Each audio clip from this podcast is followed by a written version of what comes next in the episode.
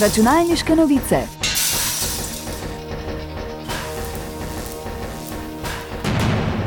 Prisluhnite novostim in zanimivostim z področja računalništva.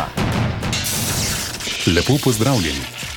YouTube je v začetku februarja objavil, da sta YouTube Music in Premium dosegla 100 milijonov naročnikov.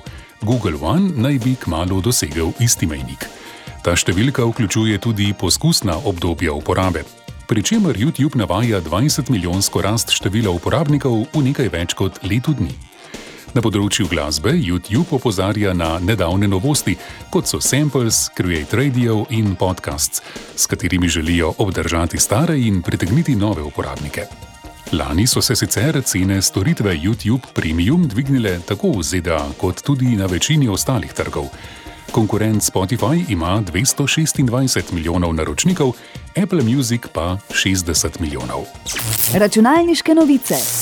Ubisoft je pred nekaj meseci izdal igro Assassin's Creed Nexus za igranje z očali za navidezno resničnost. Računali so, da bo močno ime franšize spodbudilo igričarje k nakupu, kar pa se ni zgodilo, vsaj ne v številkah, ki so jih pričakovali. Čeprav je igra Assassin's Creed Nexus med oboževalci navidezne resničnosti kar dobro sprejeta, to ne zadošča generalnemu direktorju Ubisofta. Izrazil je svoje razočaranje nad prodajo in razkril stališče studija o prihodnosti tovrstnih iger. Dokler ne bodo opazili boljše prodaje podobnih iger, Ubisoft ne bo povečeval svojih naložb v svet navidezne resničnosti. Prav mogoče je, da se bo Ubisoft odpovedal kateri izmed iger, ki jih trenutno razvija, ali pa se preprosto ne bo ukvarjal s pripravo novih. Računalniške novice. Družba Hawaiian Airlines odslej na komercialnih letih ponuja možnost brezplačnega brežičnega interneta prek SpaceX-ovega Starlinka, kar pomeni, da je postala prva večja ameriška letalska družba, ki ponuja storitev satelitskega interneta. Njihov načrt za brezplačni brežični internet se opada s časom, ko tudi ostale letalske družbe povečujejo svojo ponudbo povezljivosti z visoko hitrostjo. Brezplačen brežični internet na letalu ponuja naprimer JetBlue Airways. Tudi družba Delta Airlines ga je lani uvedla po več letih načrtovanja in sicer za člane svojega programa zvestobe. Družba Hawaiian Airlines ima obsežno mrežo letov nad Tihim oceanom, saj z Havajev med drugim leti v ZDA, na Japonsko, v Avstralijo in Novo Zelandijo. Zato se jim je mudilo, da bi tudi sami ponudili to vrstno storitev. Računalniške novice.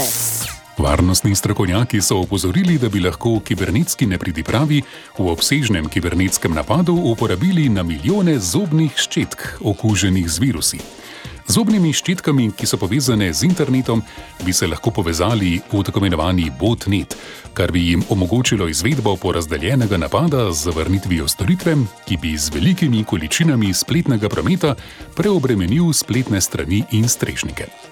Po poročanju švicarskega časopisa Argauer Zeitung, ki je prvi poročal o grožnji, bi lahko zaradi napada izpadla večja spletna mesta, kar bi povzročilo na milijone dolarjev izgubljenih prihodkov.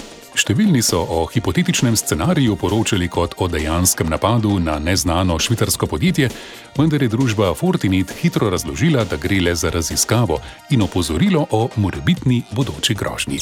Računalniške novice. Hvala za vašo pozornost in lepo zdrav do naslednjič. Novosti in zanimivosti je za vas pripravilo uredništvo revije Računalniške novice. Prisluhnete nam lahko ponovno naslednji teden ob istem času.